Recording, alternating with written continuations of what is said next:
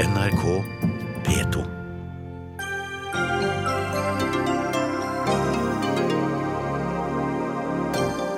Fredsprisvinner Liu Xiaobo er syk, og EU har krevd at Kina løslater ham, men ikke den norske regjeringen. Dette er en bekreftelse på at Norge ikke står opp for menneskerettigheter lenger, sier lederen i Nobelkomiteen, Berit Reiss-Andersen.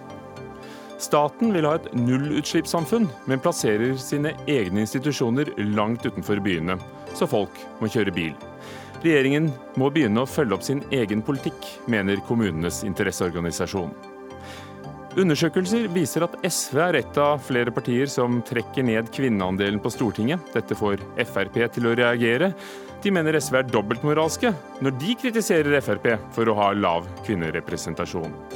Og skal gamle cruiseskip få seile inn verdensarvfjordene våre? Nei, sier regjeringen. Jo, mener ordføreren i Aurland.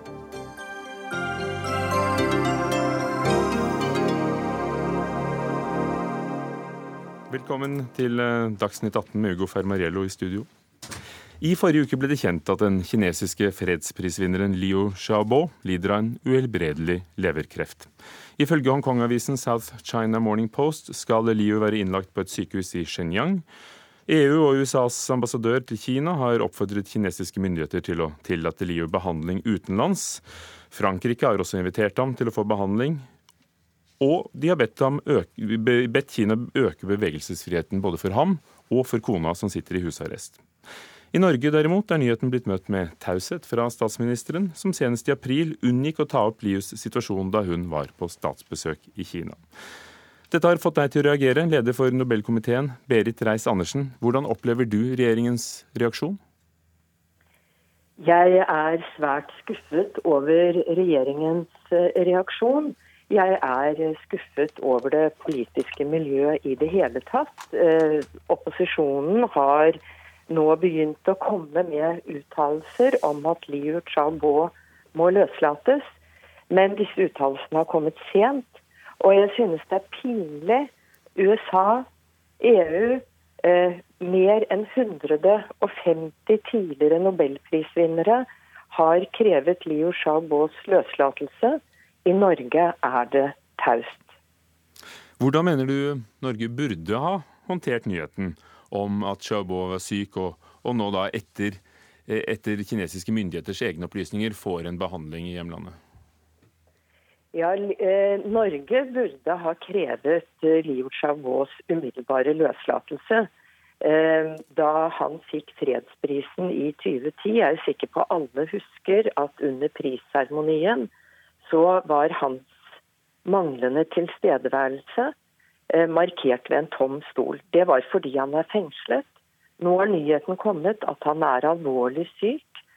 Og det er et momentum som eh, en rekke andre nasjoner har eh, benyttet seg av til å kreve hans løslatelse, slik at han er fri til å reise, få den behandling han trenger, hvor han ønsker. Og han har selvfølgelig fra den norske Nobelkomiteen stående invitasjon til å komme til Norge. Dette hadde jeg forventet at uansett hvilken regjering vi har i Norge, at norske myndigheter står på en plattform for menneskerettigheter, og i særdeleshet for ytringsfrihet, og at man gir uttrykk for det, og ikke bare eh, sier det i generelle vendinger, men at man også tør å si det når det er et standpunkt som koster. Dette har jo vært en spesiell sak for Norge. Norge har vært uh, uten diplomatiske offisielle forbindelser uh, i, seks år, eller i hvert fall i, fryseboksen, som det er blitt kalt, inntil i april i år, hvor denne regjeringen vi har nå, har fått til en avtale. Og krever ikke det en form for diplomati? Det, har jo alltid vært lagt vekt på at fredsprisen gis jo ikke av Norge, men nettopp av Nobelinstituttet? Uh, og det er helt korrekt. Det er uh, den norske uh, Nobelkomité som gir fredsprisen. Og det er vår oppgave. Og må, den må vi gi uavhengig av interessene til den enhver tid sittende norske regjering. Og jeg er veldig glad for at regjeringen greide å tø opp de diplomatiske forbindelser med Kina. Men det kan ikke være slik at man av næringspolitiske interesser gir eh, grunnleggende menneskerettighetsstandpunkter på båten. Slik kan det ikke være. Og andre nasjoner innser det. Dessverre har kinesiske myndigheter en tendens til å straffe denne type kritikk. Men Norge har jo stått på et, eh, en, eh, et standpunkt om å være en moralsk stormakt. Eh, og jeg registrerer at med denne holdningen så er man i ferd med å abdisere fra den posisjonen. Stortingsrepresentant for Kristelig Folkeparti, Line Henriette Hjemdal, partilederen deres Knut Arild Hareide, mener tausheten fra regjeringene er pinlig, og sier at et normalisert forhold med Kina ikke må gå på bekostning av menneskerettigheter. Men er det mulig å få i pose og sekk? Dere, dere støtter jo denne regjeringen.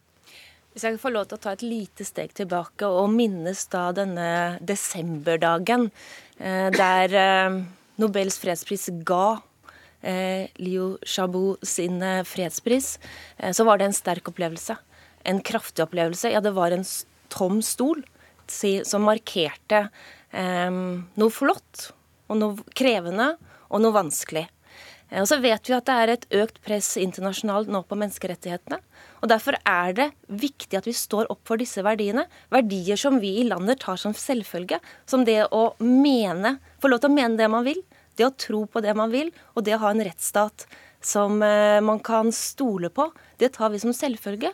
Og Derfor har jo da min partileder i dag vært kraftig ute med kraftige uttalelser. Nettopp at dette skal vi stå opp for så er det viktig at vi begynner å få en normalisert forhold til Kina. At vi begynner å komme i balansepunktet. Men brudd på menneskerettigheter, de kan vi aldri la være å snakke om. Men det tok en uke fra nyheten kom at også deres parti reagerte? Ja, men om det tar en uke eller, så er jeg helt sikker på at eh, statsminister og norske folk vet at Kristelig Folkeparti står opp for menneskerettighetene, som det norske storting gjør. Det gjør vi sammen, men vi må vise det i praksis. Og vår utfordring nå til statsministeren og regjeringen er at vi må jobbe hardere for å få til en eh, løslatelse av kreftsyke fredsprisvinneren vår. Stortingsrepresentant for Arbeiderpartiet Torstein Tvedt Solberg. I går tok Anniken Huitfeldt, som leder utenrikskomiteen, også fra Arbeiderpartiet, mm. til orde for at regjeringen bør nettopp støtte EUs linje i dette spørsmålet. Hvorfor skal vi stille oss bak denne linjen når vi endelig har fått et normalisert forhold til Kina? Nei, eh, selvfølgelig. Eh, regjeringen skal jo ikke være eh, aktivister, men må jo samtidig klare å ha litt ryggrad, mener jeg. Og når EU har vært så tydelig som en har vært, så syns jeg det er helt naturlig at Norge legger seg på den samme linje. Vi deler jo helt klart et verdigrunnlag med, med EU her. Det som har endra seg, syns jeg, i denne diskusjonen, er jo egentlig hva som er det norske standpunktet. Her har Stortinget vært eh, tydelig på hva linje en ønsker i menneskerettighetsspørsmål. Regjeringserklæringen er til og med veldig tydelig på at en skal ha mer oppmerksomhet rundt menneskerettighetsspørsmål i utenrikspolitikken. Men nå er det mer uklart hva regjeringen eh, mener og hvordan det forholdet er. Før jul sa Erna Solberg til Stortinget at eh, en har oppnådd en full normalisering i det politiske forholdet til Kina. Jeg syns ikke de, den tausheten vi nå ser, er den eh, normaliseringen som en har, eh, en har eh, beskrevet. Berit Reiss-Andersen, EUs utenrikssjef Federica Mogherini har vært ute og krevd løslatelse. USAs ambassadør. Eh, og så har Frankrikes utenriksminister i et intervju sagt eh, til fransk radio at, eh, at de vil ønske løslatelse og tilby Lio behandling. Men det er jo ikke sånn at en utenriksminister og statsministre i alle vestlige land selv har sagt dette her. Hvorfor skal Norge stå så å si alene blant vestlige land i å komme med dette kravet og kritikken? Jeg synes ikke det er en riktig karakteristikk etter den oppregningen du kom med, at Norge står så å si alene. Jeg mener jo at Norge burde ha stått eh, i front. Dette er en sak som er meget vel kjent i Norge pga. Eh, fredsprisen i 2010. Og det kan ikke være slik at normalisering av forholdet til Kina innebærer at man tar, eh, ikke står opp for menneskerettighetene i Norge. Hvis det er slik, da er prisen for normalisering for høy. Vi er forpliktet til å stå opp for menneskerettighetene, verne om dem. Det er vi på rettslig grunnlag gjennom FNs charter. Vi er eh, forpliktet til det gjennom en konsekvent norsk politikk eh, av skiftende regjeringer. Og vi kan ikke fravike en slik politikk nå når det gjelder. Vi har selvfølgelig forsøkt å få regjeringen i tale. I et intervju med NRK i går så viste statsminister Solberg til Utenriksdepartementet. Og det de skriver til oss fra kommunikasjonssjefen er følgende, og jeg tenkte å, å lese hele brevet vi fikk. Dette er en krevende sak som vi følger nært. Ingen europeiske regjeringssjefer eller utenriksministre har uttalt seg om saken så langt. Vi har brukt over seks år på å finne tilbake til en normalisering av forholdet til Kina. Det er avgjørende med et samarbeid med Kina om bl.a. klima, energi og handel. Vi må huske hvor vanskelig og komplisert denne prosessen har vært. Forholdet til Kina må bygges fra grunnen, og vi har fortsatt en lang vei å gå. Vi følger den humanitære situasjonen til Liu Xiaobo. Våre tanker går til han og hans familie. Det er viktig at han nå får medisinsk behandling. Ja, eh, Torstein Tvedt Solberg, eh, det var først i går at Arbeiderpartiet uttalte seg. Hvorfor tok det såpass lang tid? Systemet i Norge er jo sånn at det ligger til eh, regjeringen å svare i de utenrikspolitiske spørsmålene. Men når vi nå ikke får et svar fra statsministeren eller utenriksministeren, så mener vi det er på tide å reagere. Og Det syns jeg jo fortsatt er litt spesielt. At det du må gjøre nå, er å lese opp en uttalelse fra pressesekretæren i Utenriksdepartementet, at nå til og med statsministeren henviser videre til Utenriksdepartementet, så stiller ikke engang utenriksministeren opp og, og, vil svare. Og samtidig, i en situasjon der en kanskje burde være samlende i en viktig utenrikspolitisk sak, så benytter statsministeren anledningen til å angripe også opposisjonspartier for i det hele tatt å si ifra. Så jeg er jo egentlig ganske skuffa over en statsminister som burde i en sånn situasjon som dette være samlende og gi de svarene som, som eh, vi trenger, eh, og ikke fortsette å henvise til andre. Reis Andersen, hva syns du om eh, uttalelsen fra Utenriksdepartementet? Nei, Jeg synes det er et brudd med den norske tradisjonen om å støtte løslatelsen av tidligere prisvinnere eh, eh, og andre menneskerettighetsforkjempere. Jeg nevner Aung San Suu Kyi, jeg nevner eh, Nelson Mandela, for å ta to meget kjente eksempler. Men til den hjemlige politiske situasjonen så vil jeg jo også si at jeg synes det er veldig trist at regjeringen ikke tar et tydelig standpunkt. Men jeg synes også det er trist at Arbeiderpartiets eh, statsministerkandidat heller ikke er høyt på banen og eh, tar et tydelig standpunkt i denne saken. Det har vært en generelt meget forsiktig reaksjon i Norge, og det er et brudd med vår tidligere tradisjon i denne type spørsmål. Line Henriette Hjemdal, har du forståelse for at de trår varsomt? Nei, jeg har ikke forståelse for at vi trår varsomt. Det er viktig og bra at vi begynner å få et normalisert forhold til Kina. Men den dagen statsministeren kom til Stortinget og fortalte at nå begynte vi å få et normalisert forhold politisk og diplomatisk, så sa Knut Arild Hareide klart og tydelig fra at Kina har utfordringer når det gjelder menneskerettigheter. Vi må stå opp for de verdiene menneskerettighetene er. Det må vi tørre. Det sa han. Det har Kristelig Folkeparti gjort. Og det forventer vi at også statsministeren gjør. Vi må klare å ha to tanker i hodet. Både jobbe med et godt forhold til Kina, og også klare å snakke om menneskerettighetene. Så vi forventer at neste gang vi sender en statsminister eller en statsråd på besøk til Kina, så snakker man også om menneskerettigheter. Ville ikke dette også vært akkurat som det er for Hareide, en sak for deres partileder, som også Reis Andersen eh, etterlyste, Torstein Tvedt Solberg, altså Jonas Gahr Støre? Jo, I tidligere tider så har han jo vist at en klarer å gjøre disse to tingene samtidig. Men I rød-grønn periode så forhandler han om eh, handelsavtale. Vi snakker om reaksjoner på denne saken, som ja, dominerer nyhetsbildet i verden nå. Ja, nei, og Arbeiderpartiet har jo vært tydelig på, på, hva vi sier her. Anniken Huitfeldt har vært ute. og Jeg tror en sikkert gjerne hører fra, fra Støre òg om, eh, om, det sånn sett er ønskelig. Men det viktige her er jo eh, nå at en klarer å vise fra regjeringens side at en har litt ryggrad, ikke nødvendigvis blir aktivister, men sier tydelig fra om hva, eh, hva, Norge mener. Så er det også slik da i rettferdighetens navn at det er altså dagens regjering som har klart å få til et normalisert forhold med Kina, iallfall mer enn det var under den rød-grønne regjeringen. Den kreditten skal de også få. Berit Reiss-Andersen, når du hørt eh, to politikere her, et fra et støtteparti eh, på Stortinget og fra Arbeiderpartiet. Du var selv statssekretær for, for Jagland i Arbeiderpartiet i regjering. Handler det om politikk? Tror du det ville vært mulig eh, å gi den støtten du etterlyser, og beholdt det forholdet som gjør at vi kunne reise på statsbesøk til Kina? Det, er ikke, det kan ikke jeg si for sikkert om det er mulig, men hvis det er umulig, så må man velge å stå for de grunnleggende prinsipper som er knyttet til vår eh, samfunnsform. Jeg har full forståelse for at det krevet eh, mye diplomati, og at språkbruk er svært viktig i den prosessen som ledet til at regjeringen greide å normalisere forholdet til Kina. Og man i den prosessen nedtonet ordbruken når det gjaldt menneskerettigheter. Nå har det oppstått en konkret situasjon hvor hele verden har blitt minnet om Louis Chabot. Han er ikke løslatt, han er overført til soning på sykehus. Og at vi går inn i den rekken som ikke tør å eh, ta det humanitære standpunktet, menneskerettighetsstandpunktet til hans fordel, det fastholder jeg. Det er pinlig for nasjonen Norge.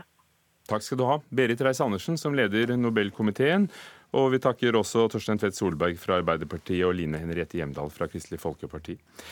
Harald Bøckmann, gjesteforsker ved London School of Economics eh, for tiden. Eh, kjent professor i kinesisk fra Universitetet i Oslo og oversetter. Ikke professor.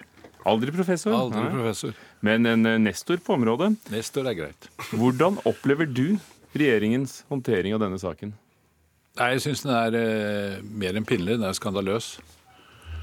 Fordi, eh, som eh, Reiss-Andersen sa, så har eh, altså, norske regjeringa er ikke en hvilken som helst regjering. Uh, og uh, jeg var i sin tid en av de som uh, syntes at den avtalen som regjeringa inngikk i desember i fjor, var bra. Det var et godt politisk håndverk, men det var jo en del eh, løse tråder der. Og det som var avgjørende, var eh, hvordan den norske regjeringa ville håndtere dette. Avtalen var ganske generelt formulert, og jo mer generelt, jo mer rom for handlingsrom. Nå viser det seg at de, de tør ikke å, å, å røre en lillefinger engang. Det er skammelig, syns jeg.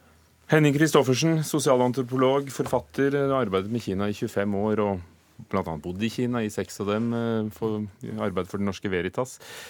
Ville Kina akseptert en kraftig reprimande, reaksjon fra norske myndigheter i denne saken?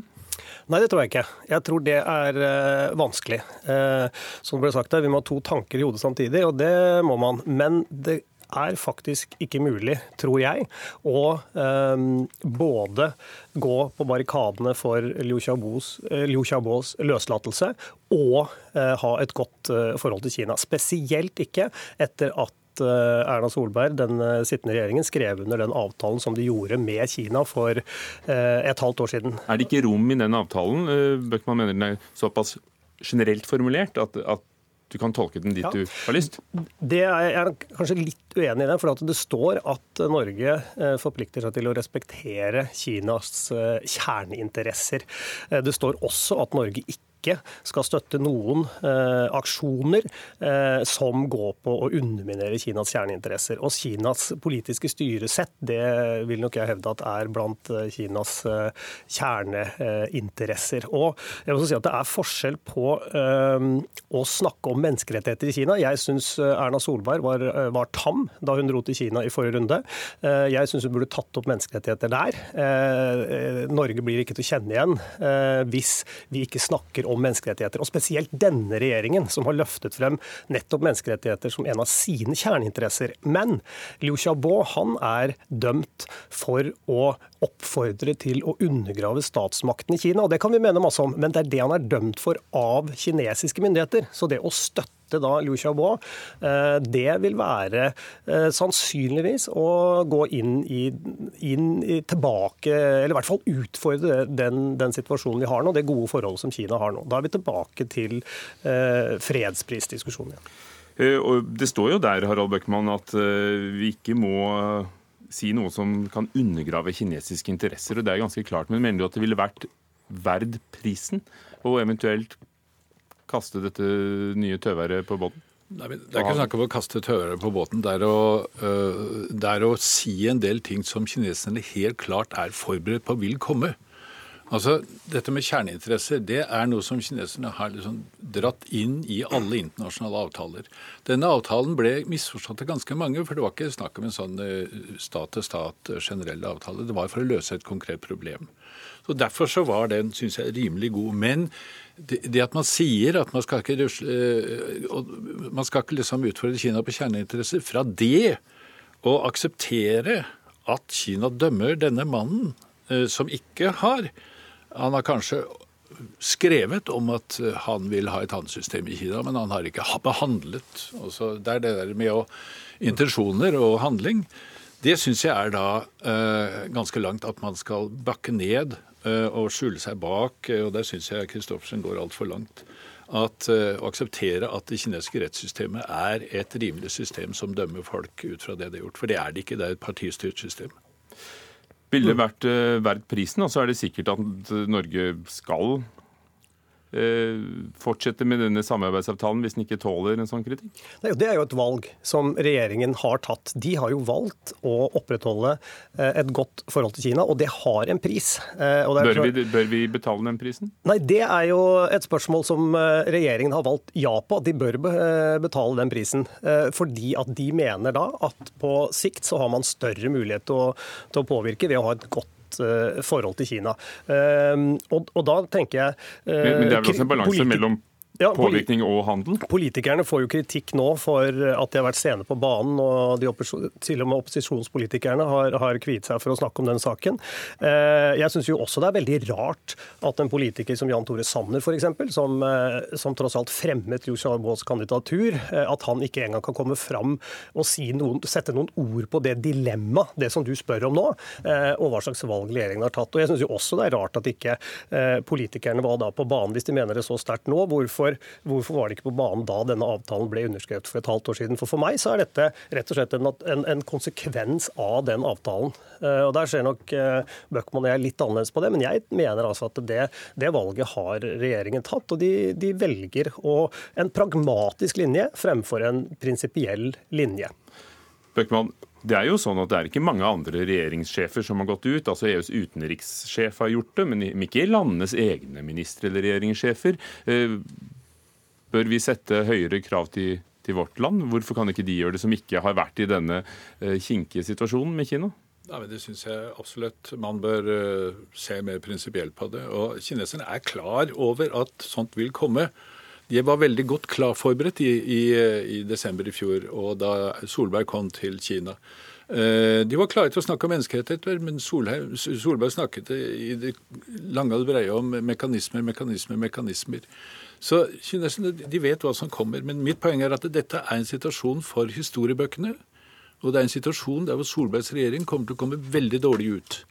Det er en, dessverre en helt klar parallell med den måten Karl von Ossietzky døde, råtna bort på eh, Hitlers sykehus i 1938 etter at han hadde fått nobelprisen i 1935. Liu Xiaobo er et kjent dissident, og verdens øyne er rettet mot ham. Er det mange som ham? I Kina, mener du? Ja. Jeg har hele tiden sagt at hvis det skulle være en eh, kandidat som var av nobelklasse i Kina, så syns jeg Liu Xiaobo. Jeg har fulgt han siden han var på vårt institutt i, i, på Østasiatisk institutt på 80-tallet.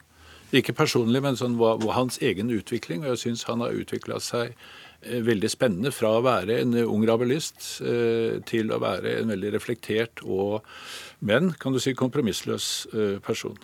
Men du har vel selv merket kinesiske myndigheters reaksjoner. Hvor, hvor mye tåler, tåler de, tror du?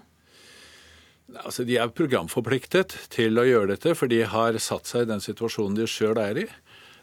Men dette det er ikke annet å vente. Og jeg tror egentlig sett, dessverre, at det er kynismen som tar overhånd, for snart vil det være et problem mindre.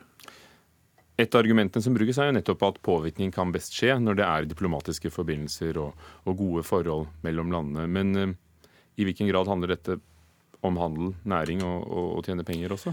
Jeg tror vi skal ha ganske realistisk forhold til hvordan Norge kan påvirke Kina uansett. Så, så, så, jeg tenker at dette blir et valg for regjeringen, hva som er best for Norges interesser eh, i forhold til å ha et godt forhold til Kina. Og, og da eh, har regjeringen valgt at det er så viktig for Norges interesser, det, om det er økonomi, klima, energi, alle de områdene eh, som Alle de utfordringene som verden har, så, så, vil Norge være på banen, og de vil ha en plass eh, ved bordet. og skal du diskutere noen av de spørsmålene, så er det veldig vanskelig å ha et, eh, et ikke-forhold til Kina. Så det har de oppvurdert. Men at Norge kan påvirke Kina i en eller annen eh, retning, det tror jeg vi skal ganske, ha et relativt realistisk forhold til uansett. Så det er Norges interesser som her styrer hva regjeringen gjør, tenker jeg i hvert fall. Har fredsprisen til Liu Xiaobo den gangen, i 2009 Eh, i 2011 påvirket eh, demokratisering og, menneskerettighetsspørsmål og spørsmål om ytringsfrihet i Kina?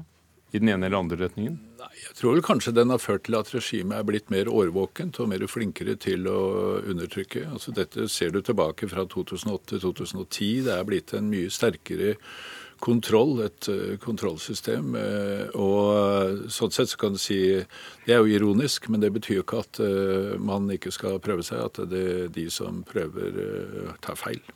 Er du enig i den analysen? Har, har det virket mot sin hensikt? Nei, altså Jeg mente jo da fredsprisen til Lucia ble gitt også, at det var en, en, eh, feil pris, en uheldig pris, fordi at den skaper bare større motsetninger mellom Vesten eh, og Kina. Og den ble jo gitt for å fremme eh, ytringsfrihet, demokratiutvikling, menneskerettighetssituasjonen i Kina. Jeg mente da, og mener fortsatt, at det, var, at det ville ha motsatt hensikt. Og det er veldig vanskelig å kunne se på Kina Kina de siste seks årene og si at eh, den har hatt en positiv påvirkning. Hvis den i det hele tatt har hatt noen påvirkning, så mener jeg den er negativ for, for situasjonen for, de, for menneskeretter, ytringsfrihet eh, i Kina. Jeg tror jeg de fleste er enige om at det har blitt et tøffere eh, under Xi Jinpings, altså det sittende, det sittende regimet. Og sånn sett så vil kanskje reaksjoner nå også virke mot sin hensikt? Nei, men altså, dette kan man, Det er spørsmål om perspektivet man legger an her. Altså, Nå er det Alt nå, alt nå dreier seg om markedstilgang, men jeg syns vi bør begynne å snakke om mennesketilgang. Takk skal dere ha. Harald Bøckmann, gjesteforsker ved London School of Economics og forfatter og Kina-ekspert, kan vi vel si, Henning Christoffersen. Dagsnytt 18 alle hverdager kl 18.00 på NRK P2 og NRK2. Bare cruiseskip bygd etter år 2000 skal kunne få seile inn i de norske fjordene som står på Unescos verdensarvliste.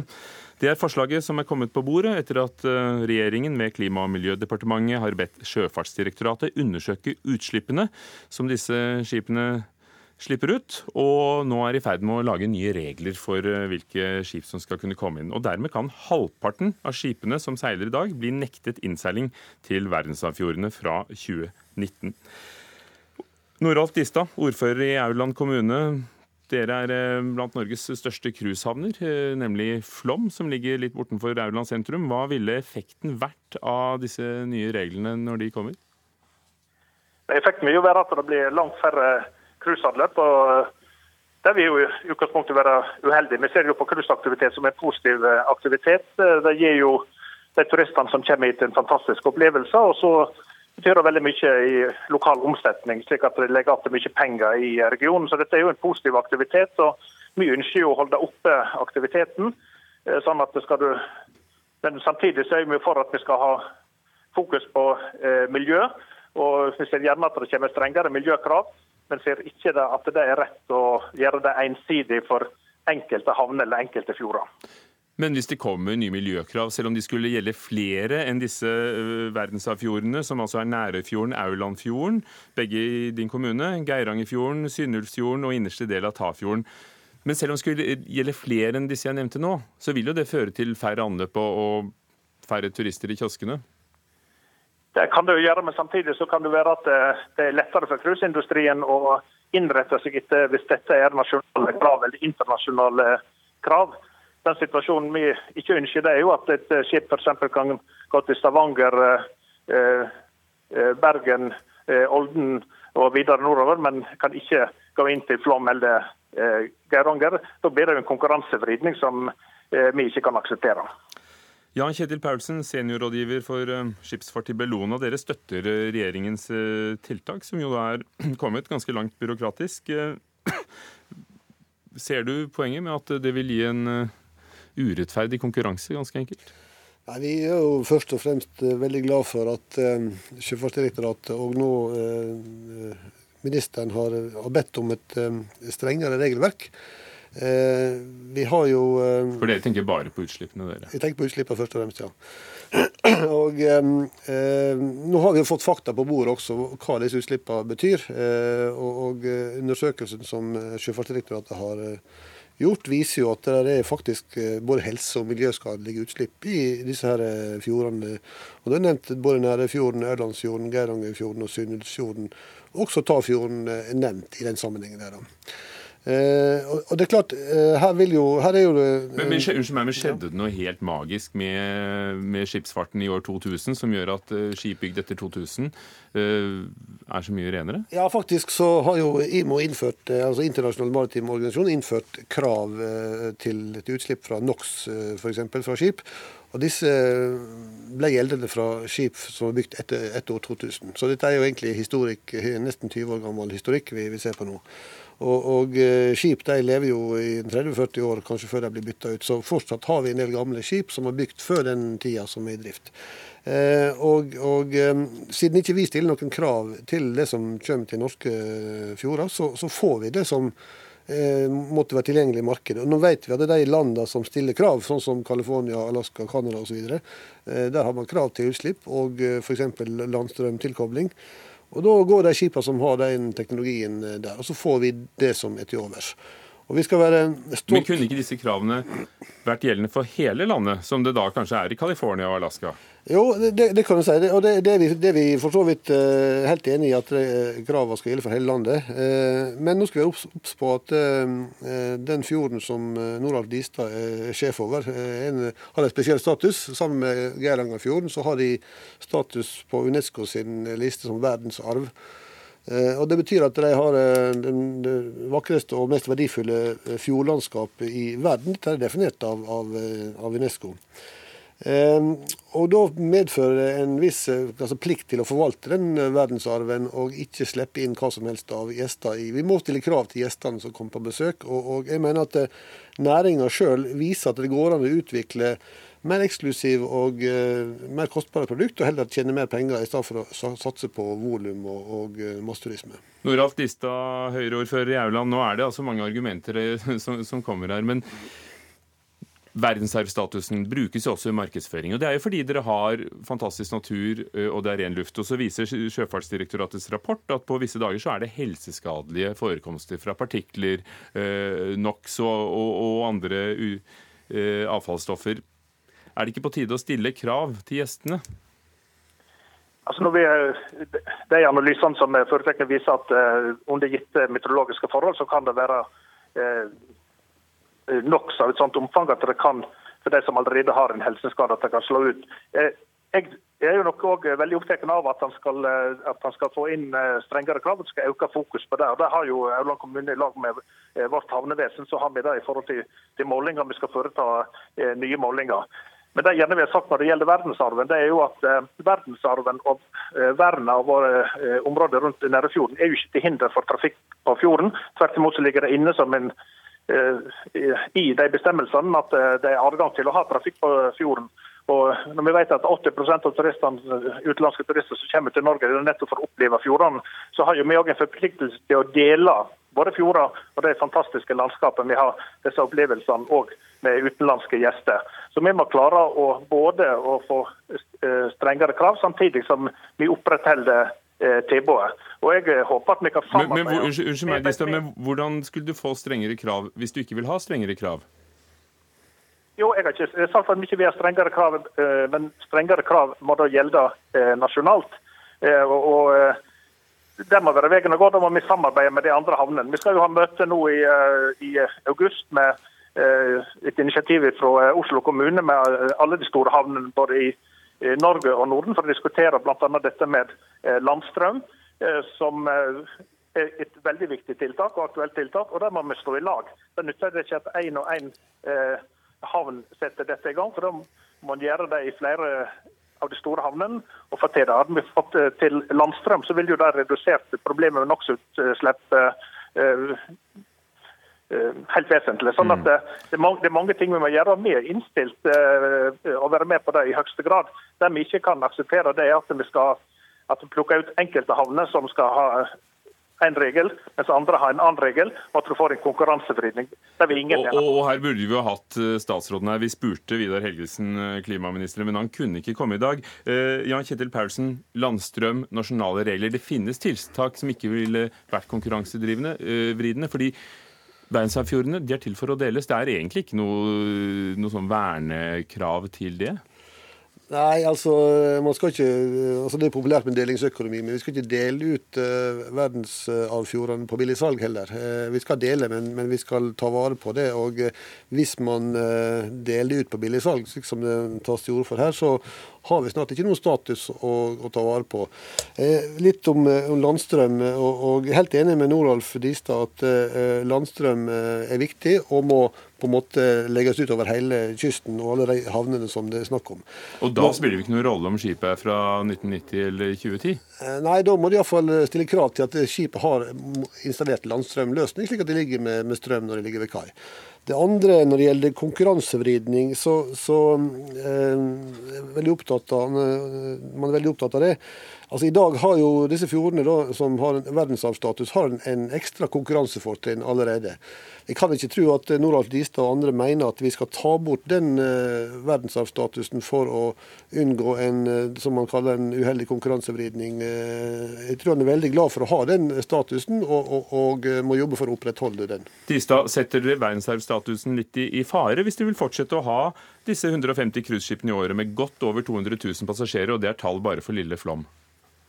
Nei, Jeg kan ikke se at verdensarvstatusen er trua. Verdensarvstatusen den er oppretta for det et unikt eh, geologisk landskap. Det fantastiske landskapsformer. Det er det viktigste som ligger i eh grunnlaget for verden. Det er det som ligger i grunnlaget for verdensarvstatus. Jeg kan ikke se at den er trua, men at vi alle sammen engasjerer oss for at vi kommer fram til gode eh, miljøløsninger, eh, det syns jeg er viktig. Og Vi samarbeider gjerne med Bellona. Det gjorde vi i samband med å utarbeide søknad om lands, eh, landstrøm eh, for å få lansert det. Og vi samarbeider gjerne med de andre havnene og de nasjonale eh, styresmaktene. Og Når det nå kommer forslag til nytt regelverk, så må jo dette ut på høring, og det er en grundig prosess på det. Og da, Noralf Distad, da, Noraf Distad, da skal vi invitere deg igjen, for nå må vi si takk til dere begge. Noraf Distad, ordfører i Aurland, som da omfatter både Aurlandfjorden og Nærøyfjorden, og Jan Kjetil Pausen i Bellona.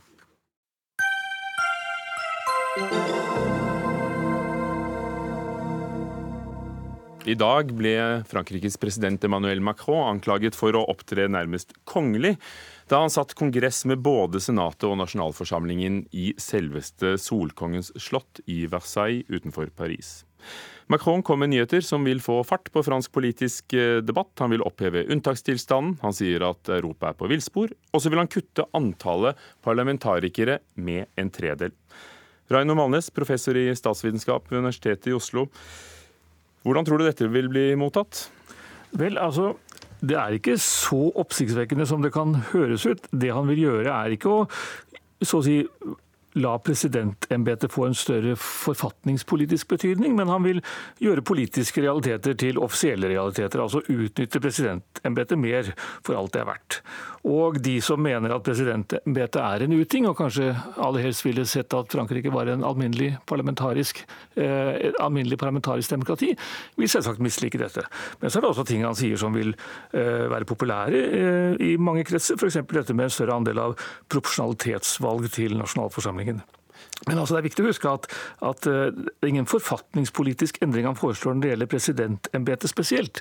Det er bare når det gjelder sammensetningen av, uh, eller altså størrelse på nasjonalforsamlingen og Senatet, og eventuelt da uh, valgordningen. For å kutte med en tredel eh, låter drastisk når de altså har 577 representanter i nasjonalforsamlingen og 348 i, i Senatet. Og som kjent ja. så er jo franskmenn uh, glad i sine stillinger de som innehar dem?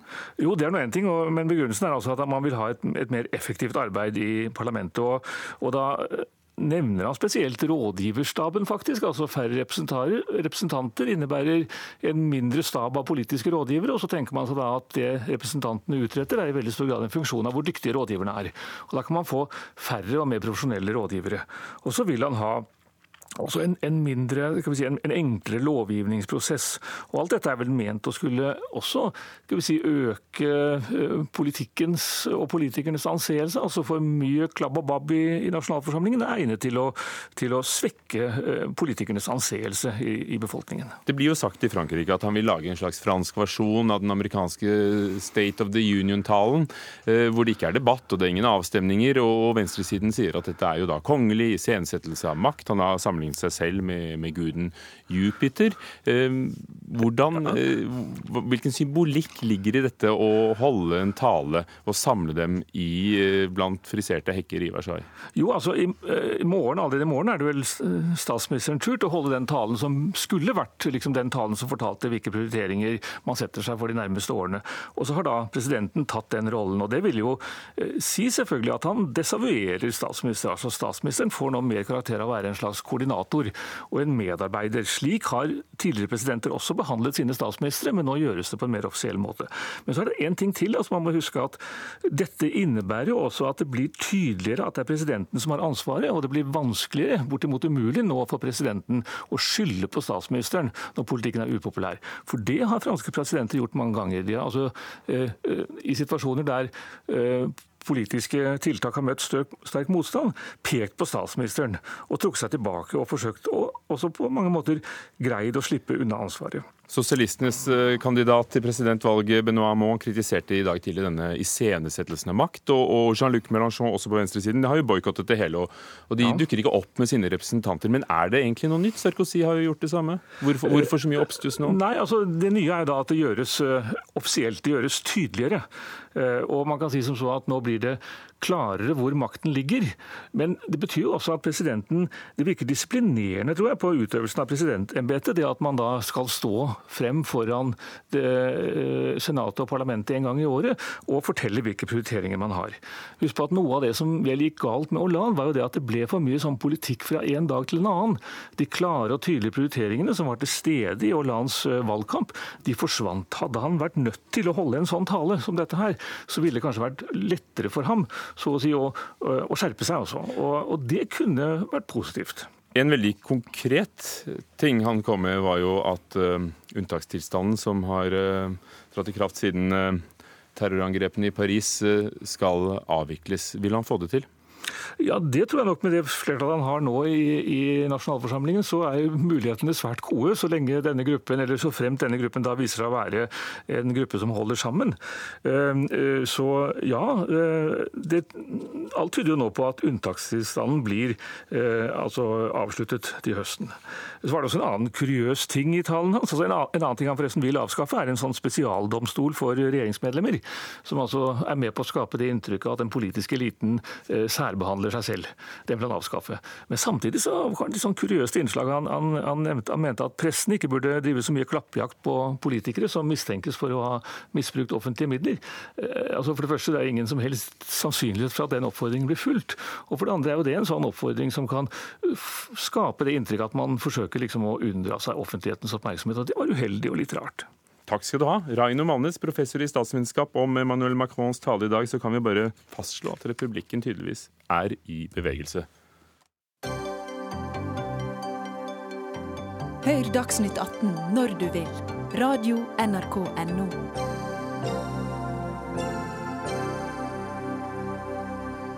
Staten må slutte å plassere viktige tilbud langt utenfor sentrum. Det er den klare beskjeden fra kommunenes interesseorganisasjon KS. For det fører nemlig til at folk blir mer avhengig av å bruke bil for å komme seg eh, både inn og ut av byene, for å besøke sykehus og politistasjoner f.eks., til tross for at staten har vedtatt at trafikkveksten i byene skal skje kollektivt. Sykling eh, og gange. Gunn Marit Helgesen, styreleder i KS. Hva er det staten har gjort feil, når det nå er blitt som det er blitt? Ja, vi har jo, for det første så har jo Stortinget og regjeringen ganske ambisiøse mål på hvordan vi skal nå eh, nullutslippsmål, redusere klimautslipp eh, og bidra til bedre miljø for innbyggere. Eh, og så har vi masse eksempler på at staten er den som svikter mest når de skal plassere store statlige virksomheter lokalt, eller der hvor man er knutepunkt, kollektivknutepunkt. Men da ber jeg dem en gang komme noen av disse mange eksemplene. Ja, og vi har jo eh, politistasjonen i Sarpsborg som nå skal plasseres eh, langt utafor bysentrum, eh, i spredt bebyggelse langs E6, eh, hvor det er vanskelig å komme til med kollektivtransport. Vi har eh, politiet i Arendal, hvor politistasjonen plasseres langt utenfor sentrum. Vi har sykehus på et jorde nede i Østfold. Eh, vi har en beslutning i Stavanger hvor sykehuset også blir liggende på en sånn måte at eh, det utfordrer eh, muligheten til å ta kollektivtilbud. Og jeg kunne nevnt veldig mange flere, hvor Statens vegvesen, fylkesmann, eh, disse statlige universiteter og høyskoler blir plassert langt utafor bysentrum. Og så ser vi jo eh, at byene, som har ansvar for å planlegge og disponere arealene mest mulig fornuftig, de begynner å bli seg veldig bevisst hvordan man planlegger og bruker arealene. Eh, jobber systematisk med å nå klimamål, og så svikter staten. Paul Shaffey, nå ble jo mange av disse bygningene sikkert planlagt før eh, du var eh, statssekretær i eh, Kommunal- og moderniseringsdepartementet. Men likevel, dere har ansvar nå. Vi har ansvar nå. Og hvorfor blir det sånn? Fordi det, det, er ikke blir... lett å sykle til noen av disse politistasjonene? Nei, det blir jo heldigvis ikke vanligvis sånn. Og det er helt riktig. Altså kritikken, eller synspunktet, at vi bør legge til rette for at vi skal opptre miljøvennlig, bruke kollektivtransport, bruke dette som en del av byutviklingen, er jo helt riktig. Og ikke bare som målsetting, men også som verktøy som vi har i vår verktøykasse når vi skal samarbeide mellom stat og kommune eh, og fylkeskommuner, så, så, er det viktig. Eh, og Vi har gjort flere ting i denne perioden. Vi har fått på plass nye planretningslinjer som uh, sier at dette er noe av det viktigste vi gjør når vi planlegger sammen. Og vi har fått på plass uh, nye byvekstavtaler, eller de blir forhandlet nå. Avtaler uh, om hvordan du håndterer store statlige samferdselsinvesteringer, bl.a. i de store byene, hvor vi må se de store investeringene i sammenheng med arealbruken, sånn at vi får eh, boliger, næringsutvikling og statens egen virksomhet tett på disse kollektivknutepunktene. Er det bare kollektivtransporten du er bekymret for, eller er det også bysentrene? For det, det har jo vært en gjenganger at eh, byene ikke alltid er fulle av liv lenger. Ja, Det er jo det ene. Men det henger jo sammen med, altså det henger sammen med miljø, det henger sammen med byene og utvikling i byene. Og det henger selvfølgelig også sammen med hvordan man best mulig, mest, hens, mest mulig hensiktsmessig kan komme til de institusjonene og de statlige virksomhetene man skal til en gang iblant. Og de skal jo ofte betjene hele områder, regioner. Og da kanskje en plassering midt ute på landet, 30 km fra nærmeste by, er faktisk mest sentrale for flest mennesker? ja, Det er jo en måte å se det på som, som strider imot eh, det staten sender ut av styringssignaler til kommunesektoren. Eh, og Hvis man skal disponere arealene fornuftig eh, med tanke på å ha tilgjengelig kollektiv og få ned disse utslippene, så at vi slipper å kjøre biler én og én for å nå disse institusjonene, ja, så må vi se dette i sammenheng. Og det, jo, det har jo noe med at Staten må jo stille samme krav til seg selv som de gjør til kommunesektor og til private og til enkeltindivider. Og da må man jo også følge det. Hvis ikke så blir det jo meningsløst for alle oss andre og skal følge noen krav som staten setter, men som de selv ikke følger. Og da har vi ikke engang nevnt Vinmonopolet, som ligger ofte på kjøpesentre langt utenfor bykjernene. Nei, men, men det, altså, Staten må stille minst like strenge krav til seg selv. Det er jeg enig i. Eh, og så er Programlederen inne på noe annet som jo er et poeng her, nemlig at uh, det er flere hensyn som skal tas uh, og veies opp mot hverandre i noen tilfeller. Det er jo ikke sånn at hver by alltid har eh, hver sin av de tingene det er snakk om. Noen ganger skal man dekke en større region. Det kan komme opp forslag om at kanskje vi bør legge noe midt imellom for å, for å sørge for at alle får sin, sin, bit av det. Men så er jo byene men, men, blitt byer nettopp fordi de er sentrum nettopp, i områder. Nettopp. Og, og trafikknutepunkter. Og, og disse, både, altså disse, nye verktøyene i verktøykassen vår, både de nye planretningslinjene som gjelder både stat, fylke og kommune, og det at det nå skal forhandles eh, byvekstavtaler, eh, hvor vi ser eh, utbygginger og samferdselsinvesteringer bl.a. i sammenheng, gir jo et helt annet redskap for å sørge for nettopp det. Og jeg syns KS også har vært flinke til å trekke fram positive eksempler her. St. Olav i Trondheim, som Kommunaldepartementets attraktiv bypris gikk til for to år siden siden, hvor vi nettopp framhevet hvordan etablering av sykehuset i sentrum av en by bidrar til den type byutvikling vi, vi ønsker. Så det er gode eksempler, og det er sikkert også noen mindre gode eksempler historisk. Tror du denne verktøykassen og byvekstavtalene vil vil hjelpe? Ja, jeg tenker at Vi må jo måles på det. da. Vi har eh, regionale planer som nå får eh, sterkere vern holdt jeg på å si, og større eh, lovmessig betydning. Og de bør gis enda sterkere muskler, slik at de blir For da tenker man jo helhetlig, man jo helhetlig utvikling, og da bør staten også forplikte seg på disse. Og så tenker jeg at disse byvekstavtalene som, som Shafi nevner, er et instrument på hvor vi kan måle hverandre. fordi det er jo der man eventuelt må tildele eller gi belønninger da, til de byene som faktisk klarer eh, å se de tingene i sammenheng og få best mulig arealbruk. Eh, også fordi vi har jo mangel på arealer i veldig mange byer. Så vi trenger jo å tenke handler fornuftig. Handler det også om tomtepriser noen ganger? ja, det handler om veldig mye når man jobber med byutvikling. Eh, og det handler om menneske, levende byer, det handler om hvordan man bruker arealene, det handler om miljø og klima, og det handler om at vi da må forplikte hverandre hvis vi virkelig ønsker å nå disse målene. Så... Hvis dette er viktig for dere i KS, ja. kunne kommunene selv har vært sterkere pådrivere både i sin byplanlegging og realplanlegging og politisk for å, ja. å, å få institusjoner til bykjernene? Ja, og det tror jeg faktisk de jobber med. Og det er stor frustrasjon enkelte ganger når da staten legger sine egne virksomheter utafor det de har forplikta seg til via en regional plan. Så jeg tenker at eh, poenget med å reise debatten er jo nettopp å utfordre hverandre, slik at vi blir enda mer bevisst på at eh, hvis vi mener noe med å nå klimamål, hvis vi mener noe med å bruke arealene fornuftig eh, og sette brukerne og innbyggerne i sentrum, ja, så må de forplikte alle. og Det er det som er vårt anliggende. Vi må forplikte hverandre, og vi må faktisk gi sterkere eh, virkemidler til de som skal disponere og bestemme arealbruken. For vi snakker om virkemidler, men hvordan vil det virke når et statlig organ som et helseforetak, som er ganske selvstendig, eller politiet, eller Vinmonopolet, som også er statlig, skal ut og bygge, ut og å lokalisere seg. Hvordan, skal, hvordan kan du sette krav til ganske frie institusjoner som et vinmonopol, et NRK, et helseforetak? Jo, men det er jo som det blir sagt, det er, kommunene er reguleringsmyndighet og har jo sånn sett de, fått en veldig viktig rolle i, i, det norske politiske systemet som eh, de som tar beslutninger om hvordan arealene som skal, skal brukes.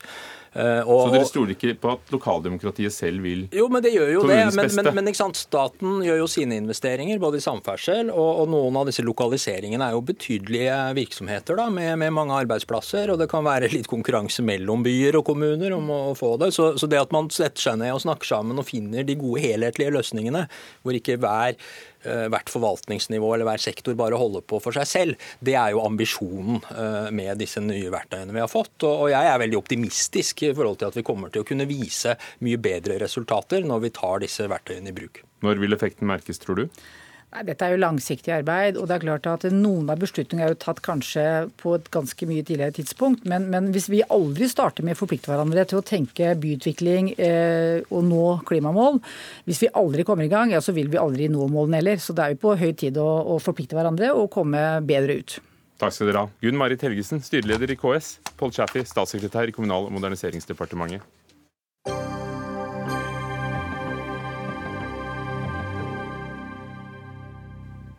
Beregninger fra nettstedet Polls of Polls, som er gjengitt i Verdens Gang i dag, viser at både KrF, Frp og SV vil trekke ned kvinneandelen på Stortinget etter høstens valg. Dette nettstedet har brukt lokale partimålinger og så regnet ut hvordan valgresultatet kommer til å bli. Barne- og likestillingsminister Solveig Horne kritiserer i denne artikkelen i VG SV for å være dobbeltmoralske, fordi SV kritiserer Frp for å ha lav kvinneandel. Åshild Brun Gundersen, du er listet opp for Frp i Aust-Agder, og, og, du stiller deg bak denne karakteristikken av SV som dobbeltmoralske. Kan du begrunne det, er du snill?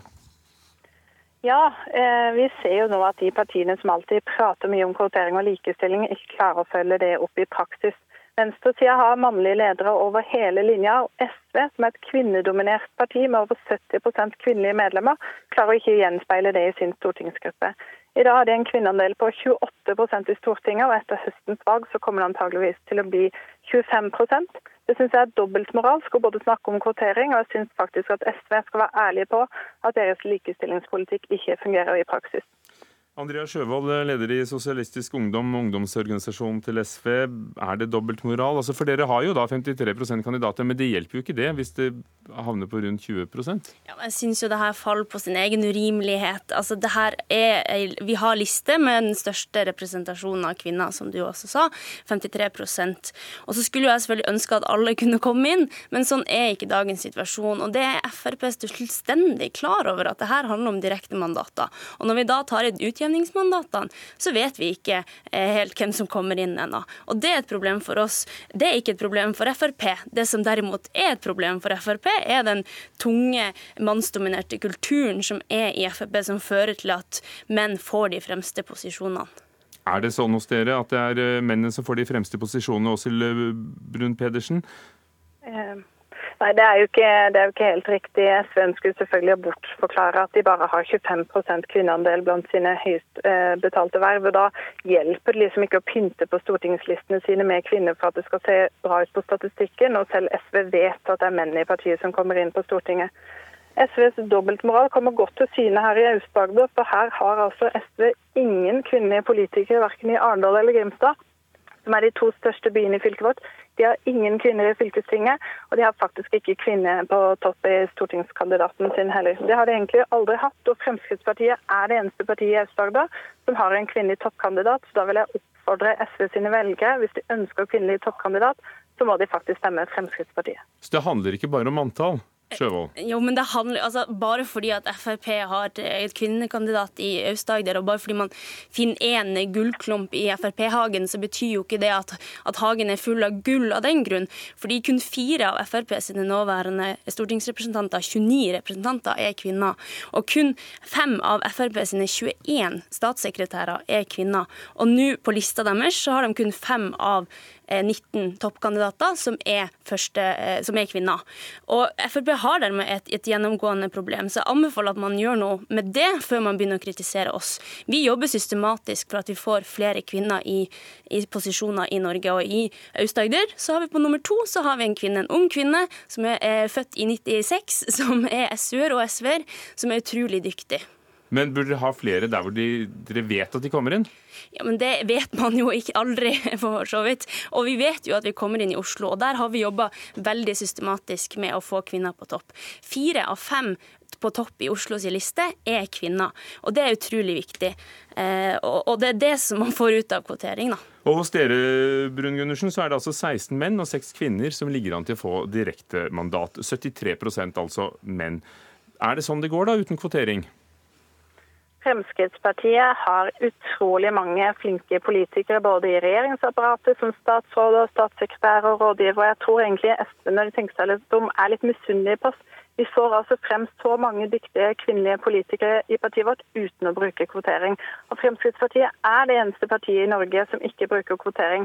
Derfor klarer vi altså å lage en liste i Aust-Agder med tre damer på topp. Det hadde vi ikke klart hvis vi var nødt til å kvotere inn en mann så syns jeg det er leit at SV ser bort fra Aust-Agder, hvor de faktisk ikke har kvinnelige politikere. De har ingen i Arendal, ingen i Grimstad, ingen i fylket og ingen på Stortinget. Og Hvis velgerne er opptatt av å få frem kvinnelige kandidater, så må de faktisk stemme Fremskrittspartiet.